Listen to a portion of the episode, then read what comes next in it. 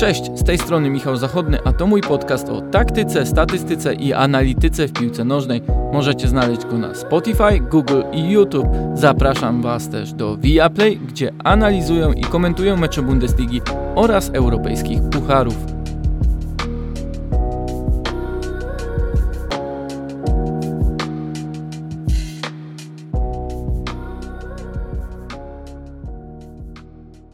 Takiego meczu jak finał Ligi Mistrzów nie można zostawić na boku, nawet jeśli wcześniej sam miałem na głowie dwa inne ważne spotkania w Sewilli i w Tiranie, ale nie, nie będę absolutnie tłumaczył się pracą, bo podcast o Liverpoolu, o Realu Madryt, o Jurgenie Kloppie, o Carlo Ancelottim to po całym sezonie po prostu frajda. Jednak fakt, że mogę się zająć tym dopiero dzień przed meczem sprawia, że wiele tematów zostało przemielonych, w tym także te kwestie taktyczne.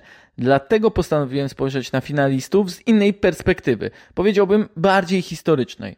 Przeglądając do, dotychczasowe starcia Klopa z Ancelottim i wyciągając wszystko, co najistotniejsze, dostrzegłem wiele analogii, które mogą być kluczowe już w sobotnim wielkim meczu w Paryżu. Ale zacznijmy od faktów. Fakty są takie: historia ich rywalizacji to ledwie 10 meczów w ciągu 8 ostatnich lat, ale to, co na wstępie należy podkreślić, to spore różnice jakie są dostrzegalne. Zaczęło się przecież od meczów Borussii Dortmund z Realem Madryt w 2014 roku, w których Mimo wszystko to ci pierwsi, a więc finaliści sprzed 12 miesięcy, byli outsiderami. Gdy Klopp z Borussii trafił na wyspy, to role się odwróciły, bo Liverpool już był uznawany za zespół lepszy od Napoli, a później oczywiście od Evertonu, czyli tych ekip, które prowadził Carlo Ancelotti. Jednak warto pamiętać, z jakiej pozycji Klopp zaczynał pracę na Anfield i to, że później do tego samego miasta, lecz innej jego części, doprosił się Ancelotti, było w zasadzie takim jedynym momentem w karierze Włocha, gdy on starał się pójść śladami Niemca, a więc wziąć zespół, klub z historią i potencjałem i zamienić go w coś wielkiego. Oczywiście na Goodison Park to się jemu nie udało, ale po raz pierwszy od 1999 roku Everton wygrał wyjazdowy mecz derbowy z Liverpoolem. W czterech niebiesko-czerwonych starciach z Klopem to bilans Ancelottiego jest nieznacznie lepszy. Dwukrotnie spotykali się na takich etapach ścieżek wicemistrzów, które prowadziły po razie drużynę Włocha i Niemca do zwycięstw w tych rozgrywkach. Gdy Napoli Ancelottiego pokonało Liverpool 2-0 na starcie sezonu, w którym ekipa Klopa broniła tego tytułu, to nawet Carlo śmiał się, bo rok wcześniej też Napoli u siebie wygrało z Liverpoolem, a przecież skończyło się zwycięstwem, triumfem Liverpoolu. Mówił więc swojemu e, koledze, żeby ten się nie martwił, bo już wie, co dobrego porażka we Włoszech może dla niego, dla Liverpoolu oznaczać. Ogólnie, gdy spojrzymy na bilans tej rywalizacji z perspektywy Klopa, to jest on słaby, nawet nie przeciętny, ale słaby. Przegrał przecież więcej spotkań niż wygrał, tylko w dwóch meczach strzelał jego zespół przynajmniej dwie bramki. W połowie spotkań nie trafiał ani razu. W karierze szkoleniowej Niemca jest, uwaga, aż 69 trenerów, z którymi rywalizował przynajmniej czterokrotnie i jego zespoły miały wyższą średnią punktów niż z Carlo Ancelottim. W drugą stronę wygląda to, wydawałoby się, że lepiej, choć wcale nie jest tak rewelacyjnie, bo Klopp w tak skonstruowanym rankingu rywali Ancelottiego jest pod sam koniec ósmej dziesiątki. Oczywiście również dlatego, że kariera Ancelottiego trwa znacznie dłużej, jednak półtora punktu na mecz to wcale nie jest tak imponujący rezultat. Wiemy też, że w okresie ich rywalizacji między klubem i Ancelottim wytworzyła się pozytywna relacja. Bywało już, że w okresie prowadzenia klubów z Liverpoolu Włoch mówił o Niemcu, że jest jego przyjacielem. Yeah, we are a good friend. We are a good friend. Uh, I feel good when I am with him. I, we don't have a lot of time, of, of course, to talk uh, because we are really busy. But all the time that we meet, uh, we spend uh, we spend good time. He's a fantastic man. I think he's a fantastic man. He brings to me energy when I, when I am with him. He, he gave he gave to me energy, and this is important. I have a lot of respect of him. It's an honor for me to be considered his friend. He is my friend. Charakterystyczne w tej wypowiedzi jest to, że Ancelotti swoją przyjaźń z Klopem uznaje za zaszczyt. Mówi, że to energia Niemca wpływa na niego tak pozytywnie, gdy spędzają razem czas. To doskonała charakterystyka Włocha i jego podejścia generalnie do ludzi. Czerpania od nich jak najwięcej, ale też pozwolenia, by w jego obecności byli sobą. I w tym względzie nie dziwi, że pomimo łatwo zauważalnych różnic wieku, w temperamencie, zachowaniu przy linii bocznej, nawet sposobach celebracji, ta relacja pasuje też Klopowi bo on lubi być sobą, nawet dominować głośnością, żartami, uśmiechem, a jeśli ma z kimś problem, to raczej w sytuacjach, gdy ktoś inny chce zdominować narrację. Obaj oczywiście mają świetne podejście do ludzi. Pewnie właśnie takie, jakie z perspektywy piłkarza zdecydowana ich większość chciałaby mieć ze strony trenera. Bardziej partnerskie, czasem ojcowskie, ale też jest to przywództwo, które nie polega na agresji, na budowaniu oblężonej twierdzy, na tworzeniu negatywnej narracji, a już na pewno nie na ciągłej napince. I to też było widoczne w ich bezpośrednich starciach, zwłaszcza tych pierwszych, o czym zresztą sami się zaraz przekonacie. Well, this is looking good. It's looking very good, and that is an ideal start. Gareth Bale sides through the Dortmund defence and gives Carlo Ancelotti's side the lead. They had a chance to run it out there, but they're giving it to Isco, who rolls in number two. Dortmund paying a heavy price for failing to clear. Oh, a slip. Capitalised by Modric. Ronaldo! It's three on the night for Real Madrid. It's 14 in the season for Cristiano Ronaldo in this season's Champions League. W 2013 roku Ancelotti przejął Real Madryt po Jose Mourinho i szybko poprawił relacje w szatni, atmosferę, rozluźnił nawet trochę styl gry, czyli wziął to, co najlepsze zostało po Portugalczyku, a przy tym to, co najmniej podobało się zawodnikom, to stwierdził, że nie ma e, po co dalej e, rozwijać. Real spotkał się więc z Borusią w takim swoim ciekawym momencie. Zresztą starcia tych drużyn już dostarczyły mnóstwo emocji rok wcześniej z czterema golami Lewandowskiego, niezwykle napiętym rewanżu, który prawie dał awans Realowi pomimo trzech goli deficytu z Dortmundu. Rok później, już przechodząc do pierwszego starcia Ancelottiego e, z Kloppem, to Borussia też w takich rozmiarach przegrała pierwszy mecz, choć Jurgen Klopp starał się jak mógł, by wynik nie zaciemnił tego, jak zagrał jego zespół.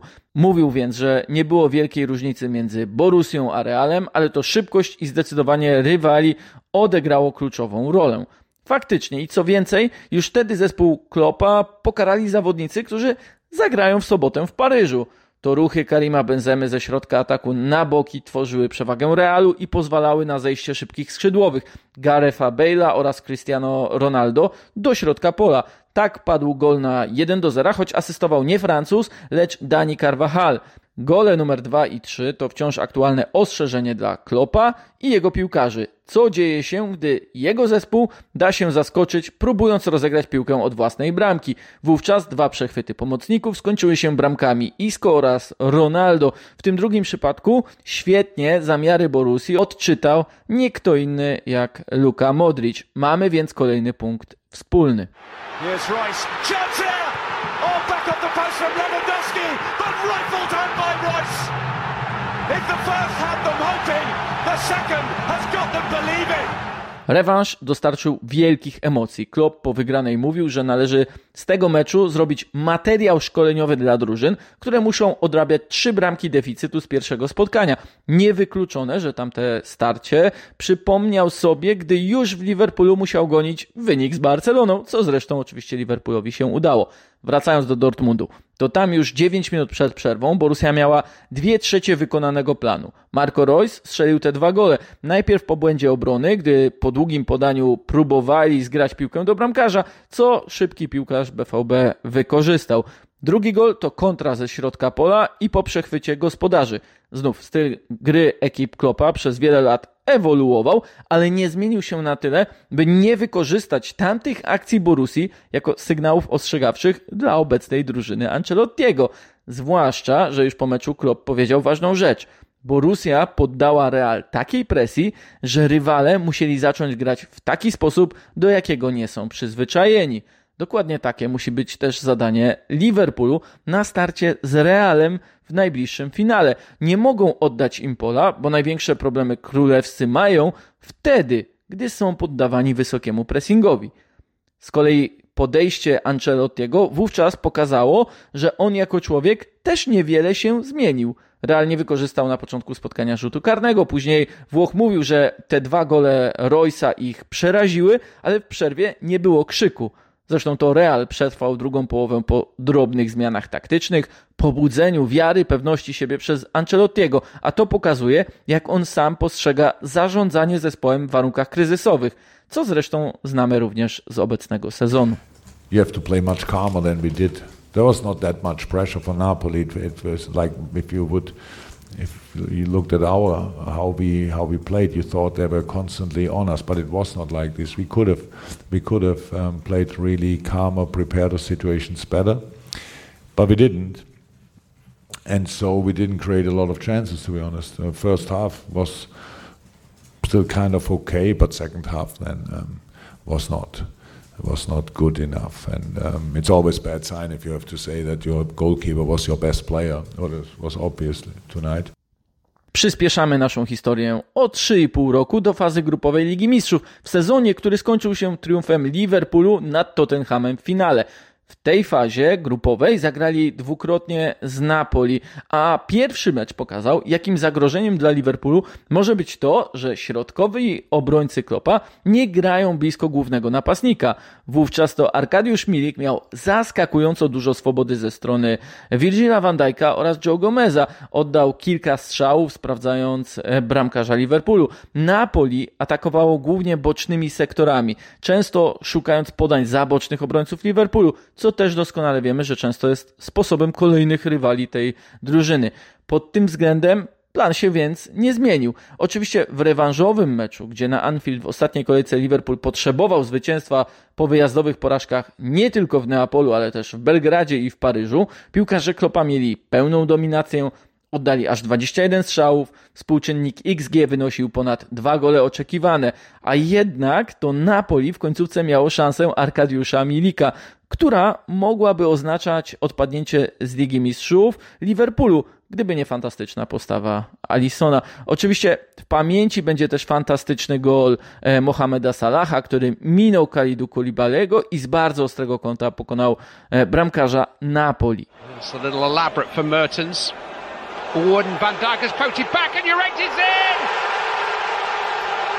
Napoli open up their Champions campaign with a famous victory. Przejdźmy więc do kolejnego sezonu i kolejnego dwumeczu z Napoli. Wówczas w Neapolu defensywa gospodarzy już spisywała się świetnie, a Liverpool stał się pierwszą od 1994 roku drużyną, która broniła tytuł i następny sezon w Lidze Mistrzów zaczęła od porażki. Porażki, która też zaczęła się tam, gdzie może być obawa przed dzisiejszym finałem, a więc na skrzydłach. Świetnie grali Dries Mertens oraz Jose Callejon, zwłaszcza ten drugi, którego w polu karnym faulował Andrew Robertson i pierwszy ze skrzydłowych wykorzystał rzut karny.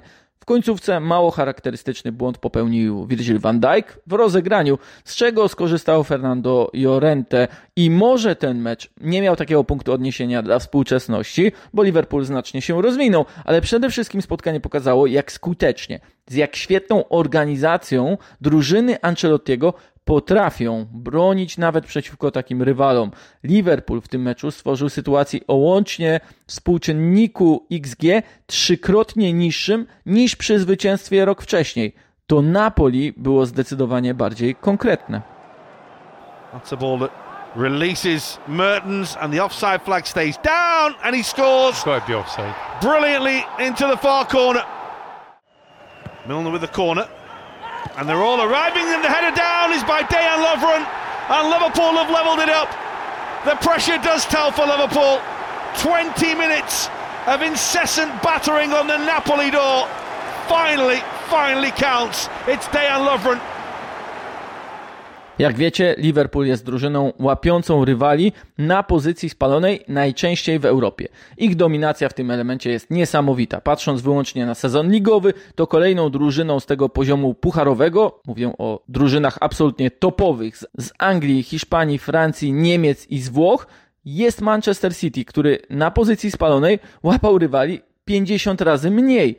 Niesamowite jest to, że Real Madryt jest dokładnie na drugim biegunie tej klasyfikacji. O ile rywale Liverpoolu byli łapani na offside 144 razy, to ci Realu tylko 30-krotnie. Mowa więc o zupełnie innym pomyśle na sposób bronienia. W Lidze Mistrzów dysproporcja jest nieco niższa, bo w 12 dotychczasowych meczach Liverpool udanie ustawiał linię obrony 39 razy, a Real 21 to niemal połowę spalonych królewscy nabili w trzech meczach. Liverpool w dziewięciu przynajmniej trzykrotnie skutecznie zakładał pułapkę offside'ową, Real tylko w trzech.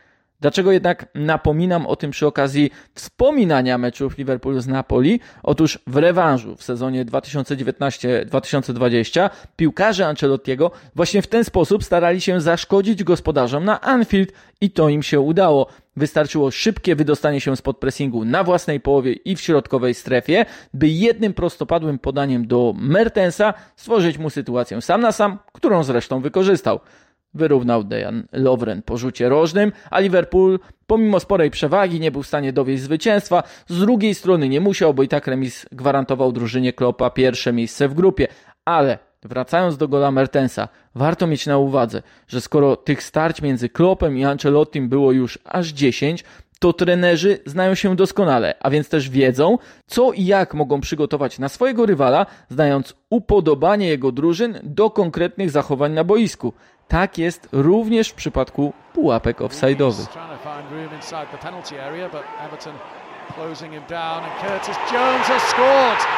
He's curled one beyond Jordan Pickford into the top corner. Can you believe it? The 18-year-old has given Liverpool the lead here in this Merseyside derby. It's a Liverpool team sprinkled with youngsters, and it's one of them who's made the breakthrough. His first goal for the club, and it comes in a Merseyside derby. Przenosimy się na stałe do Liverpoolu, ponieważ tam następnie trafił Ancelotti. Spodziewano się, że w meczach z drużyną Jurgena Kloppa będzie outsiderem, choćby z racji historycznych niepowodzeń Evertonu, ale Włoch sprawił sporo problemów Niemcowi. Derbach Merseyside za tych szkoleniowców Liverpool wygrał tylko raz i to w meczu, w którym sam był outsiderem. Wszystko dlatego, że na mecz Pucharu Anglii klub wystawił bardzo młody, niemal rezerwowy skład. Przełożyło się to na sporo dogodnych okazji Evertonu w pierwszej połowie, których nie wykorzystywali Mason Holgate, Dominic Calvert-Lewin czy Richarlison. I właśnie w pierwszej połowie Everton grał bardzo mądrze. Choć Liverpool był osłabiony, to u siebie grał cały czas wysokim pressingiem, więc goście grali bardziej bezpośrednio, co może być kolejnym wartym uwagi rozwiązaniem w kontekście finału Ligi Mistrzów. Jednak w przerwie doszło do niespodziewanej zmiany w grze Evertonu, który zaczął próbować dłużej utrzymywać się przy piłce, nawet jeśli start akcji był pod ich własnym polem karnym. To była woda na młyn dla Liverpoolu, który coraz lepiej bronił, a także coraz skuteczniej i groźniej atakował. Gola na wagę zwycięstwa strzelił po fenomenalnym uderzeniu Curtis Jones, ale lekcja dla Ancelottiego pozostała ważna. Skoro plan A działa, to dlaczego go zmieniać na inny? Lepsze stało się wtedy wrogiem dobrego. Następne dwa starcia kończyły się remisami, z których zwłaszcza ten drugi miał spore konsekwencje, gdy w piątej kolejce pandemicznego sezonu Liverpool stracił Virgila van Dijk'a na resztę rozgrywek. Wówczas Everton zagrał nieco inaczej, bo był ustawiony 4-3-3, ale to sprawiło, że początek należał całkowicie do Liverpoolu. Mane strzelił gola już w trzeciej minucie, goście mieli na Goodison Park mnóstwo sytuacji, aż brutalny faul na Holendrze nieco zmienił obraz gry wyrównał Kin po rzucie rożnym. Salah znów dał Liverpoolowi prowadzenie, ale w ostatnich minutach wyrównał Calvert-Lewin. Zostawmy tamto wspomnienie i przejdźmy więc do ostatniego meczu Klopa z Ancelotti. Looking for Richarlison, who is leading the Everton line today in the absence of Dominic Calvert-Lewin, who is on the bench. Expect James Rodriguez to play just behind him. Here's Richarlison! Everton in front inside three minutes. Everton lead at Anfield. Alexander Arnold's ball in. Keane gets it into the path of Davis to push it away. And Richarlison turns his man Phillips brilliantly. Calvert Lewin is sprinting forward. If Richarlison can find him, he can. And Calvert Lewin is denied first time. Then he was fouled. Surely it's a penalty. Everton have a penalty at Anfield. They've only been awarded two previous penalties in the last 69 matches here. And they've got one now that could just seal the game and bring them victory here for the first time since 1999. Gylfi Sigurdsson from 12 yards against Allison. And Sigurdsson scores. Everton lead 2 0. We are almost there. Can we finally stop talking about 1999? Everton are on course for victory at Anfield. We wspomnianym meczu Pucharu Anglii Ancelotti już zastosował takie hybrydowe ustawienie drużyny między 4-4-2 a 5-3-2. To drugie pozwalało zamykać boczne strefy i sprawiać, że w linii obrony pięciu zawodników zostawiało mniejsze odległości między sobą, co pozwalało lepiej asekurować się na wypadek jakiegoś udanego dryblingu Salaha czy Mane. Dokładnie tak Everton zagrał z Liverpoolem na Anfield, szukając pierwszego po niemal 22 latach derbowego zwycięstwa na wyjeździe. Kluczem było jednak to, jak obrona Evertonu radziła sobie z napastnikami. Każdy z nich był bardzo blisko kryty przez jednego ze stoperów, a czasem w razie cofnięcia się w głąb te obowiązki przejmował Tom Davis, a więc defensywny pomocnik. Co więcej, Ducouré oraz Gomez bardzo mocno pracowali też w bocznych strefach, a przed linią pomocy był James Rodriguez, który miał wolną rolę i sprawiał problemy Liverpoolowi w fazach przejściowych. Pomimo 66% posiadania piłki, Liverpool nie tworzył zbyt wielu okazji. W całym meczu miał niższe XG od Evertonu, choć to również zasługa rzutu karnego po stronie gości. Gole dla Evertonu pokazały jednak, jak skutecznie realizowany plan przełożył się na zwycięstwo. Już w trzeciej minucie Rodriguez wykorzystał zgranie od Ducouré i odnalazł się między liniami obrony i pomocy Liverpoolu. Ta pierwsza składała się zresztą z Jordana Hendersona i Ozana Kabaka na jej środku, co wpłynęło na sposób prowadzenia akcji przez Everton. Richarlison umknął tej parze stoperów i strzelił pierwszego gola. Drugi to efekt faulu Trenta Aleksandra Arnolda na Calvercie Luinie, który wybiegł do prostopadłego podania w kontrze Evertonu. Znów, wszystko wskazuje, jaki może być plan Realu, choć niekoniecznie odzwierciedlający ustawienie taktyczne obecnej drużyny Ancelottiego, ale może być to plan e, królewskich kontrze do tego, co zaproponować może Liverpool Jurgena Kloppa. Dlaczego więc Niemiec tak średnio radzi sobie z Włochem? Bo drużyny Ancelottiego potrafią w ekspercki sposób zwalniać tempo i je kontrolować dla swoich potrzeb. Wbrew pozorom, on też potrafi nadać im odpowiednią organizację w grze defensywnej, prostymi i efektywnymi sposobami, neutralizując największe zagrożenia. Dlatego sobotni finał może być starciem przede wszystkim o intensywność, a dopiero w dalszej fazie, dalszej kolejności o tworzenie przewagi w konkretnych strefach, o uderzanie w konkretne słabsze ogniwa. Jeśli cały mecz będzie toczył się pod tempo Liverpoolu, przy ich wysokim pressingu, przy ich falowych atakach, to Real może nie mieć nawet takiej okazji do odwrócenia wyniku, o ile będzie do tego zmuszony. Jeśli Real zaburzy w jakikolwiek sposób to, co jest jedną z największych charakterystyk ekipy Klopa, to już po prostu będzie miał przed sobą słabszego rywala. Zwłaszcza, że patrząc na statystyki przywoływane przez portal The Analyst, e, to o ile Liverpoolowi blisko do Realu, jeśli chodzi o średni czas prowadzenia akcji, to już w kontekście szybkości prowadzenia ataków w kierunku bramki przeciwnika są w europejskiej średniej, czyli bliżej na przykład wyniku Bochum, a Real bliżej Barcelony, Chelsea czy PSG. Intensywność będzie więc kluczem, ale tak samo bywała już w starciach drużyn Klopa i Ancelottiego. Znając historię ich rywalizacji, na pewno nie można mówić o zdecydowanej przewadze jednej z drużyn lub jasnym faworycie, ale emocje Klopp i Ancelotti, Liverpool i Real wręcz nam gwarantują. Jeśli spodobał Ci się ten odcinek podcastu, to zachęcam do subskrypcji moich kanałów, polubienie nagrania lub podanie go dalej. Dzięki i do usłyszenia już po finale.